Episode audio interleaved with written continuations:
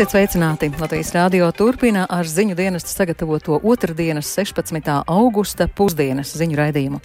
Ar to studijā pārsla saktiņa. Un vispirms īsi ieskats redzījuma tematos. Krievija gatavo masveida uzbrukumus Ukrainai. Вони розуміють, що 24-го це буде. Viņi saprot, ka 24. augustā būs Ukrainas neatkarības diena, un es domāju, ka viņi pašlaik uzkrāj to raķešu daudzumu, lai būtu iespējams īstenot masveidīgu uzbrukumu mūsu valsts teritorijai. Kopš kara sākuma Ukrainā Latvija anulējusi gandrīz tūkstošu uzturēšanās atļaujas Krievijas un Baltkrievijas pilsoņiem un tagad spriež par termiņu uzturēšanās atļauju nepagarināšanu. Gaidīju, ka viss aktīvāk, to ātrāk viss pieņems. Man šķiet, ka tā nevajadzētu. Vienkārši cilvēki viņi nav vainīgi. Ka tā sanāca, ka tas karš Ukraiņiem un viss tas pārējais. Koalīcijā apspriež valsts atbalstu uzņēmējiem.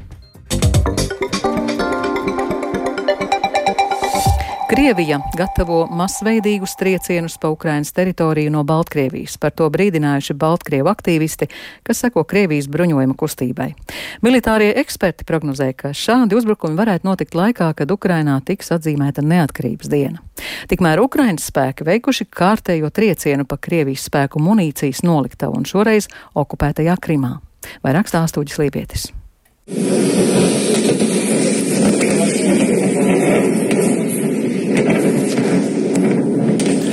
Ar ļoti spēcīgiem sprādzieniem šodien rīts sācies okupētās Krimas Džankojas rajonā, kur notikusi eksplozija munīcijas noliktavā Maiskai ciematā.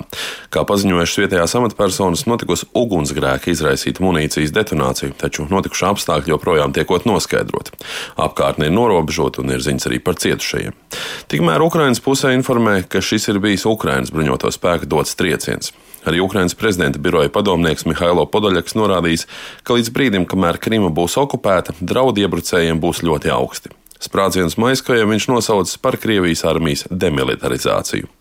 Normāls valsts Krima esot kūrorti, atpūta, turisms un kalni, bet okupētā Krima - munīcijas nolikta uz sprādzienu. Sprādzienu šorīt nogranduši arī okupētajā Melitopolē, kur bojājumi nodarīti elektrostacijai un triecienu laikā pārtraukta Krievijas televīzijas kanāla translācija pilsētā. Masveidīgi uzbrukumi notikuši arī Harkivai. Taču kopumā Krievijas īstenoto uzlidojumu un gaisa triecienu skaits pēdējā laikā ir nedaudz samazinājies. Militārie eksperti uzskata, ka tam ir pamatots iemesls. Projekta Belaruskī Gajona kanāla ziņo, ka Krievija gatavojas masveida raķešu triecieniem no Baltkrievijas teritorijas. Lai tos īstenotu, Zjabrovkas lidostā esot sakoncentrēti 14 raķešu kompleksi S-400 ar vismaz 60 raķetēm, kā arī liels skaits citas smagās kaujas tehnikas. Novērotāji ir konstatējuši, ka pēdējais masveidīgais raķešu trieciens pa Ukrainu no Baltkrievijas notika 28. jūlijā, un šāda gatavošanās liecina, ka nākamais varētu sekot tuvāko dažu nedēļu laikā. Militārais eksperts Oļegs Danovs prognozē, ka uzbrukumi varētu notikt ap 24. augustu.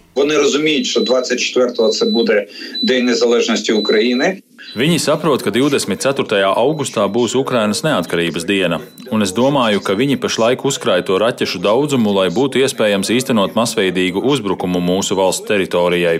Varbūt šādi triecieni būs vairāki, varbūt tie turpināsies no 23. līdz 25. augustam, varbūt tas būs tikai 24 augusts. Tāpēc, manuprāt, šis ir klusums pirms vētras. Bet tikmēr Britu izlūkdienas ziņo, ka pēc Melnās jūras flotes flagmaņa Maskvā zaudēšanas un kontrolas zaudēšanas pār strateģiski svarīgo Čūsku salu, Krievija ir faktiski zaudējusi spējas kontrolēt situāciju arī visā Melnajā jūrā. Arī tās kara kuģu pašreizējās aktivitātes reģionā aprobežojoties tikai ar Krimas piekrasti, kas ir izteiktā pretstatā tam, kādas ir bijušas Krievijas flotes darbības šajā gada laikā citos gados. Lai arī spārnoto raķešu draudu Ukrainai joprojām ir liela, piemēram, desanta izsēšanās Odesā vairs faktiski faktiski nesot iespējama. Kā uzskata Ukrainas ārlietu ministrs Dmitro Kuleba, starptautisks tribunāls Krievijas prezidenta Vladimira Putina tiesāšanai par Ukrainā pastrādātiem kara noziegumiem noteikti būs, taču tā izveidošanai ir nepieciešams laiks. Iepriekš arī Eiropas Padomas parlamentārās asamblejas viceprezidents Aleksandrs Mereško bija izteicies, ka šāds kara nozieguma tribunāls varētu tikt izveidots dažu mēnešu laikā. Pēc Mereško vārdiem uz apsūdzēto soli būtu jāsēžas visiem Krievijas drošības padomas darbiniekiem, kuri 21. februārī atbalstīja uzbrukumu Ukrainai. Uģis Lībietis, Latvijas Radio. Šodien valdību veidojošo partiju sadarbības sanāksmē plāno spriest par termiņu uzturēšanās atļauju turpmāku nepagarināšanu Krievijas pilsoņiem. Vēl apsver to pašu arī par Baltkrievijas pilsoņiem. Taču uzturēšanās tiesības negrasās atņemt tiem Krievijas un Baltkrievijas pilsoņiem, kuriem šeit ir laulātais.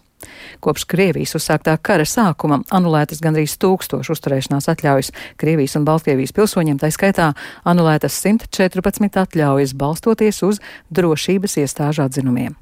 Par visplašāk Lindas Spundiņas ierakstā. Jau kopš 25. februāra, jeb nākamajā dienā pēc Krievijas sāktā kara Ukrainā, visās Latvijas diplomātiskajās konsulārajās pārstāvniecībās tika apturēta vīzu pieteikumu pieņemšana no Krievijas pilsoņiem. Latvijas radio skaidro ārlietu ministrijas parlamentārā sekretāra Zanda Kalniņa Lukaševica no jaunās vienotības. Pēc 25. februāra vīzas tika izsniegtas tikai īpašos izņēmumu gadījumos, ja pastāvēja kādi humāni apsvērumi kas bija pietiekoši šaura grupa. Mēs runājam par tuvu radinieka smagu slimību vai bērēm, vai arī tiešā personas apdraudējuma gadījumā. Un kopš 4. augusta tiek pieņemts vīzu pieteikumi tikai dalībās tuvu radinieku bērēs. Kalniņa Lukaševits norāda, ka Baltijas valstis, tostarp Čehija, strādā pie tā, lai Eiropas līmenī varētu pieņemt lēmumu neizsniegt turistu vīzas Krievijas pilsoņiem iebraukšanai Eiropas Savienībā. Jāpiemina, ka Igaunija no ceturtdienas liekas iebraukšanu valstī Krievijas pilsoņiem, kuriem ir Igaunijā izdota Schengenas zonas vīza. Tikmēr Ziemeļvalstīm nav vienota viedokļa par turistu vīzu neizsniegšanu. Taču kaut arī Latvija neizsniedz Krievijas iedzīvotājiem vīzas, mūsu robežu čērso Krievi ar saņemtām vīzām citās Eiropas Savienības valstīs. Bet ir gadījumi, kad robežsargi var pieņemt lēmumu neielaist valstī cilvēkus, ja uzskata, ka tas var traucēt sabiedriskajai kārtībai vai nacionālajai drošībai, saka Kalniņa Lukaševica. Eiropas Savienības prezidējošās valsts Čehijas ārlietu ministrs ir arī pievienojis savu balsi eh, tam, ka būtu jāierobežo vīzu izsniegšana un ir paredzēts augusta beigās ārlietu ministru formātā Eiropas Savienībā par to jau diskutēt, un ir tātad izvirzīts šis priekšlikums, ka būtu kā nākamā sankciju kārta ierobežojums pret Krieviju Eiropas līmenī jāpieņem. Tikmēr valsts prezidents Egils Levits izteicis priekšlikumu anulēt Latvijā līdz šim izdotās uzturēšanās atļaujas un vīzas Krievijas agresiju atbalstošiem ārzemniekiem. Savukārt premjerministrs Krišjāns Kariņš no jaunās vienotības plāno virzīt jautājumu pārtraukt termiņu uzturēšanās atļauju pagarināšanu Krievijas pilsoņiem. Uzturēšanās tiesības Latvijā negrasās atņemt tiem Krievijas un Baltkrievijas pilsoņiem, kuriem šeit ir laulātais. Pašlaik aktīvas termiņu uzturēšanās atļaujas Latvijā ir vairāk nekā 9000 Krievijas pilsoņu. Savukārt pastāvīgās uzturēšanās atļaujas ir vairāk nekā 37 tūkstošiem Krievijas pilsoņu. Jāatgādina, ka aprīlī saimta pieņēma grozījumus imigrācijas likumā, kas paredz apturēt pirmreizējās termiņu uzturēšanās atļaujas Krievijas un Baltkrievijas pilsoņiem. Kopš 9. aprīļa līdz jūlija vidum pieņemti 482 lēmumi atteikt piešķirt uzturēšanās tiesības Krievijas pilsoņiem un 106 lēmumi Baltkrievijas pilsoņiem, radio informē Pilsonības migrācijas lietu pārvalde. Jāņem vērā, ka ne visi atteikumu gadījumi ir saistīti ar aprīlī pieņemtiem grozījumiem likumā. Savukārt kopš kara sākuma anulētas gandrīz tūkstošu uzturēšanās atļaujas Krievijas un Baltkrievijas pilsoņiem, tā skaitā anulētas 114 atļaujas balstoties uz drošības iestāžu atzinumiem. Linda Spundiņa, Latvijas radio. Tikmēr vairums Rīgas ielās uzrunāto cilvēku atbalsta vīzu izsniegšanas liegumu Krievijas pilsoņiem, taču dzirdamas arī bažas, ka, neļaujot iebraukt Latvijā, Krievijas pilsoņiem var mazināties turismu ienākumi. Ar cilvēkiem aprunājās Linda Spundiņa.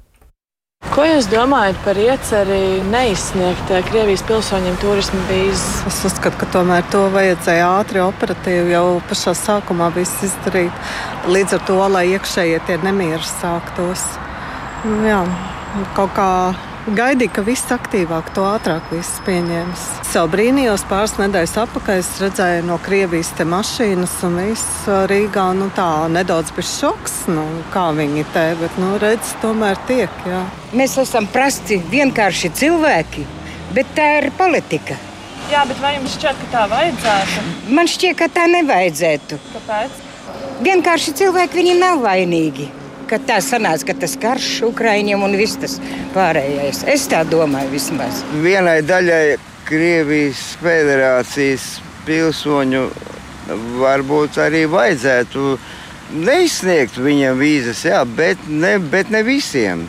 Tur jāskatās. Ir. Nu, tad es nezinu, kas to vērtēs. Piemēram, lai to vērtē, varbūt sabu satversmes aizsardzības birojas vai kādas drošības iestādes pirms izsniegs vīzu kādam, lai pavērtē un papēta viņu pagātni, ar ko viņi ir nodarbojušies. Lai netiek izsniegts vīzas kaut kādiem, piemēram, iespējamiem spiegiem vai kaut kādiem um, Krievijas armijas virsniekiem. Bet, ja tā būtu kā vēršanās, tādas kā sankcijas par, pret Krieviju par uzsākto karu Ukrajinā? Jā, sankcijas es uzskatu, ka ir jāpastiprina vēl visdažādāk, visdažādākās sankcijas. Bet šādas Viņi jau neizsniegšot. Tā arī būtu pietiekama vai mērķiecīga sankcija. Nu, viena, nu, tā būtu viena, bet, bet, bet es saku, nu, lai, jau, lai jau viņi brauc, jo tas jau būtībā Latvijas ekonomikai nāk pa labu. Piemēram, viņi taču iebrauc un atstāja vienkārši kādā izkoties kaut kādu naudu, piemēram, viesnīcās, restorānos un kafejnīcās un tā tālāk un tā joprojām. Kā jums šķiet, vai tas būtu tāds piemērots veids, kā tad vērsties pret uh, Krieviju, kas ir sākus karu? Jā, noteikti. Tā jau mums te ir uz ielām nedzird latviešu valodu vairāk, tikai vienu krievisku. Ne, par to es ne, negribu atbildēt. Neko. Kāpēc? Tāpēc, ka es esmu krievite. Nu, man liekas, tās būtu pietiekamas sankcijas. Tas nozīmē, ka tā būtu jādara. Jā. Koalīcijas sadarbības sanāksmē apspriež atbalsta risinājums uzņēmējiem energoresursu izmaksu pieauguma apstākļos. Par konkrētiem virzieniem vienojušies ekonomikas un finanšu ministri, papildus nosacījumi vēl taps līdz valdības sēdēja augusta beigās. Tikmēr uzņēmēji pārstāvu līdztekus vēlas gūt pārliecību par energoresursu pietami, pietiekamību, par cenu, kas neapdraud uzņēmēju konkurētspēju. Turpina Jānis Kīncis.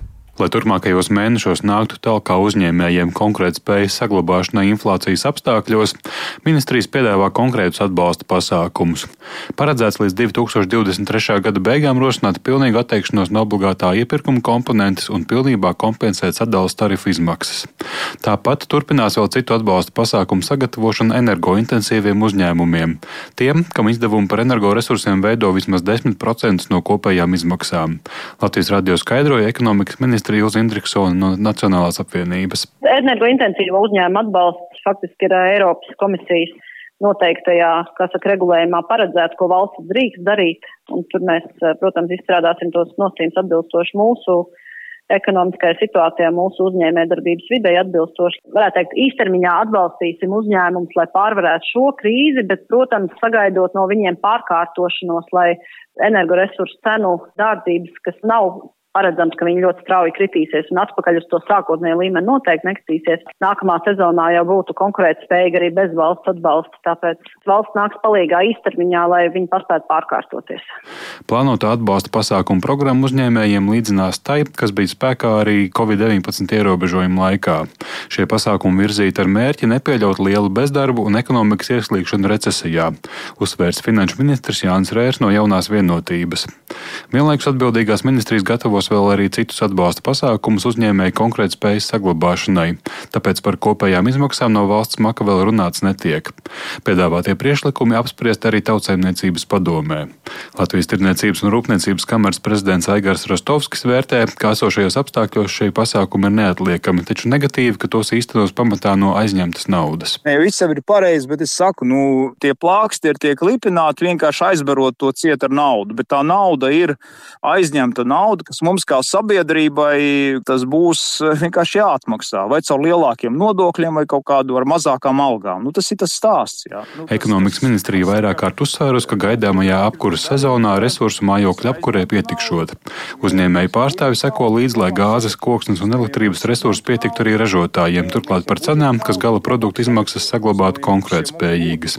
Šī problemātika būtu mazāka, ja lēmumi enerģetikā būtu bijuši pārdomātāki, tostarp par pašmāju energoresursu izmantošanu izmantošanu, kritiski novērtēja Rostovskis. Mēs arī, nu, mēs kā sabiedrība bijām uzsēdināti vai uzsēdušies uz, uz Krievijas lēta energoresursu, mūs pieredināja vai, vai nolobēja, nosauc kā gribi. Jā. Tā vietā mums vajadzēja jau saulēcīgi. Mums ir kaudze pašiem savu resursu, ūdens, tagad nāk tehnoloģijas, vējš, jā, koksnes, saule, kūdra, viss kaut kas mums ir. Jā.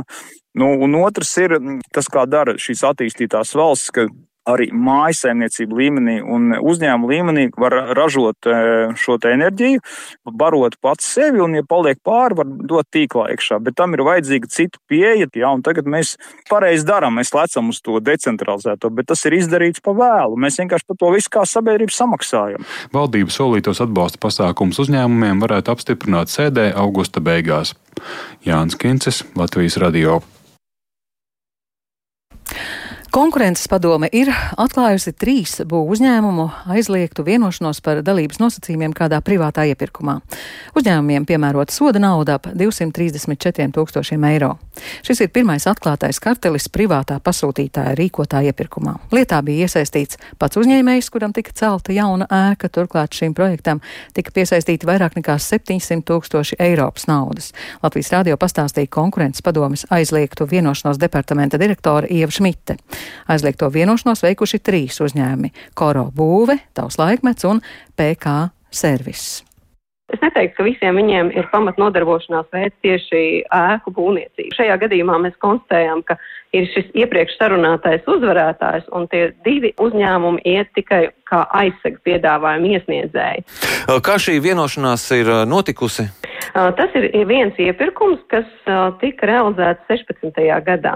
Tas ir iepirkums, kuru, teiksim, pirmšķietamā šīs pazīmes atklāja arī Eiropas Savienības struktūra fondu auditori no Finanšu ministrijas. 21. gadā konkurences padoma arī attīstīja savu izmeklēšanu, uzsāka lietu un faktiski 4. augustā tika tad arī pieņemts lēmums un konstatēts šis pārkāpums. Mēs realizējām un pierādījām ne tikai šo aizliegto vienošanos, kas ir konkurences tiesību pārkāpums, bet mēs arī saskatījām tādu negodprātīgu rīcību no paša pasūtītāja, šī privātā pasūtītāja rīcību, tur, kur viņš bija novienojies ar šo iepriekš sarunāto uzvarētāju par šī te fonda piesaistu un faktiski šo te fiktīvo konkursu kā tādu. Un ņemot vērā šo te aspektu, konkurences padome šo te daļu kompetenci par pasūtītāju iespējamo negodprātīgo šo fondu līdzekļu apgūšanu nodeva tālākai izpētai Eiropas prokuratūrai, kas arī veiksmīgi uzsāka kriminālu procesu pret, pret atsevišķām amatpersonām no šī konkrētā uzņēmuma. Šo naudu tad būs jāatmaksā, būs kaut kādi sodi? Uh,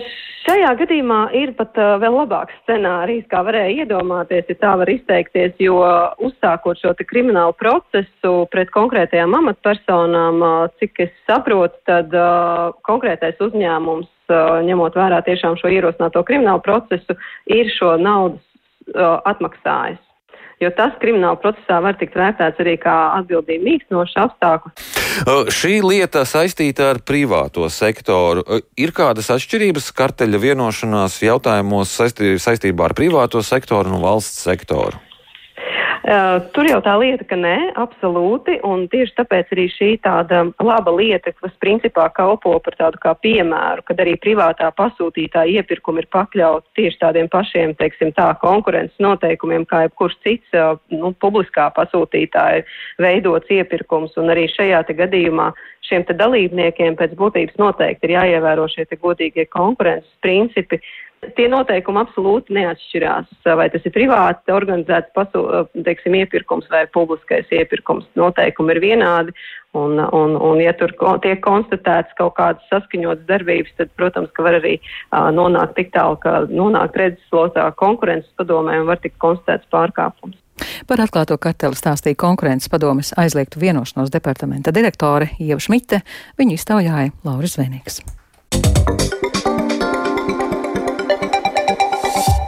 Redzami augļi mazo un vidējo uzņēmēju konkursam Liepājā, kad īpašs atbalsts tika atvēlēts tieši pandēmijas laikā cietušajiem turisma un viesmīlības nozares uzņēmējiem. Viens no šādiem piemēriem ir Sijā JA Travel atbalstītie projekti. Viņiem izdevās īstenot ieceres par izbraucieniem jūrā ar jahtu un zivju makšķerēšanu ar zvejas kuģi. Uzņēmējiem izdevies piesaistīt arī Eiropas Savienības naudu Liepājas rajona partnerības konkursā, un šobrīd viņi vadā atpūtniekus jūrā ar vēsturisku zvejas kuģi kuģi un cienā ar jūrā noķerto rīta lomu. Par iespējām šajā neparastajā laikā attīstīt uzņēmēju darbību turismu nozarē vairāk Ingas Ozols ierakstā. Jā, Travel tika dibināta jau 2018. gadā ar mērķi popularizēt Liepāju kā turisma gala mērķi. Ģimenes uzņēmums ar 20 gadu pieredzi starptautiskā turisma nozarē ļāvās izaicinājumam piedāvāt pilsētai ko nebijušu. Lai īstenot ieceres, viņi pretendēja uz atbalstu Liepājas pašvaldības izsludinātajā konkursā 2020. gadā. Liepājas pilsētas domas attīstības pārvaldes ekonomikas daļas vadītājs Arnis Vītols stāsta par pandēmijas laika projektiem tieši turisma un viesmīlības viesmīlības jomā. Pēdējo sešu gadu laikā atbalstīti vairāk nekā 80 dažādu projektu. Pašlaik ir redzams, ka nevienam vien turismu uzņēmējam pašvaldības konkurss ir ļāvis uzsākt ko jaunu un atspērties. Atbalstīti ir 55 uzņēmumi, kuros tiek nodarbināti aptuveni 300 strādājošie. Kopā nodokļi nomaksāti nedaudz virs miljonu. Tāds ir arī turisma uzņēmuma Jātravel piemērs, kas izmantoja pašvaldības piedāvātās iespējas un piedalījās konkursā, saņemot finansējumu. Liepānieks Jānis Freimans ir viens no retajiem piekrastes zvejniekiem, kurš šobrīd pats dodas zvejā agri no rīta, bet vakarā ar citu kuģi izved jūrā interesantus jau saulrieta laikā. Karstajā turisma sezonā tas ir darbs no 7 rītā līdz 12 naktī. Stāsta Jātravel īpašnieki Agita un Jānis. Ar viņiem kopā dodos jūrā ar abu jaunāko lolojumu uzņēmumu, senu zvejas kuģi, kas atvests no Norvēģijas.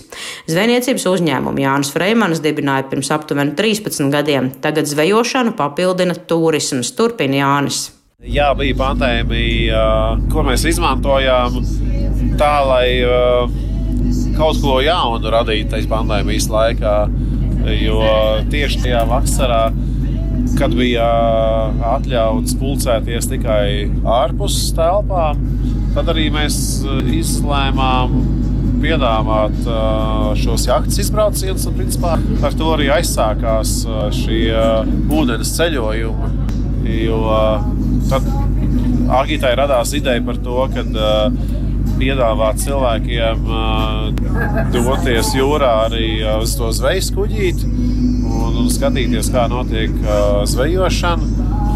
Un es sākumā biju pat mazliet skeptisks par to, bet uh, beig, beigās tas ir gandrīz pat labākais produkts. 2020. gada turisma sezonas izskaņā CIA Travel piedāvājums Burā un Zvejo Liepājā tika nominēts kā otrs labākais turisma produkts Latvijas investīcijas un attīstības aģentūras konkursā Jaunais turisma produkts 2020.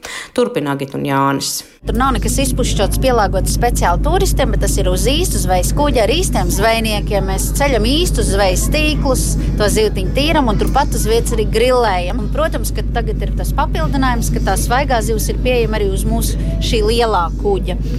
Jo uz tā kuģīša mēs, mums ir ierobežots cilvēku skaits, cik mēs varam izvest uh, jūrā. Tā ir iespēja arī jaunai paudzei parādīt to piekrastes zvejnieka amata šarms vai skarbums vai Nu, jo viegli tas nav. Cik tad jūs liepājat, zvejojat? Jā, mēs esam. Tas ir tāds sāpīgs jautājums, jo zvejnieki paliek ar vien mazāk un mazāk ar katru dienu. Ar katru gadu, un uh, viss pamatā balstās uz veco paudzi. Un, un, un es esmu viens no jaunākajiem zvejniekiem, neskatoties uz to, ka man jau ir 40. Un uh, jaunie ļoti maz nāk klāt. Tā ir tāda nu, negribētu teikt, varbūt izmirstoša profesija, bet tā ir problēma Latvijas līmenī. Mazo un vidējo uzņēmēju konkursu Liepājā notiek 12 gadus, un iesākto plānots turpināt arī nākotnē, vismaz pagaidām koncentrējoties tieši uz turismu nozari. Katru gadu šim mērķim pašvaldība paredz finansējumu līdz 100 tūkstošiem eiro. Ingozola Latvijas radio kurzemē.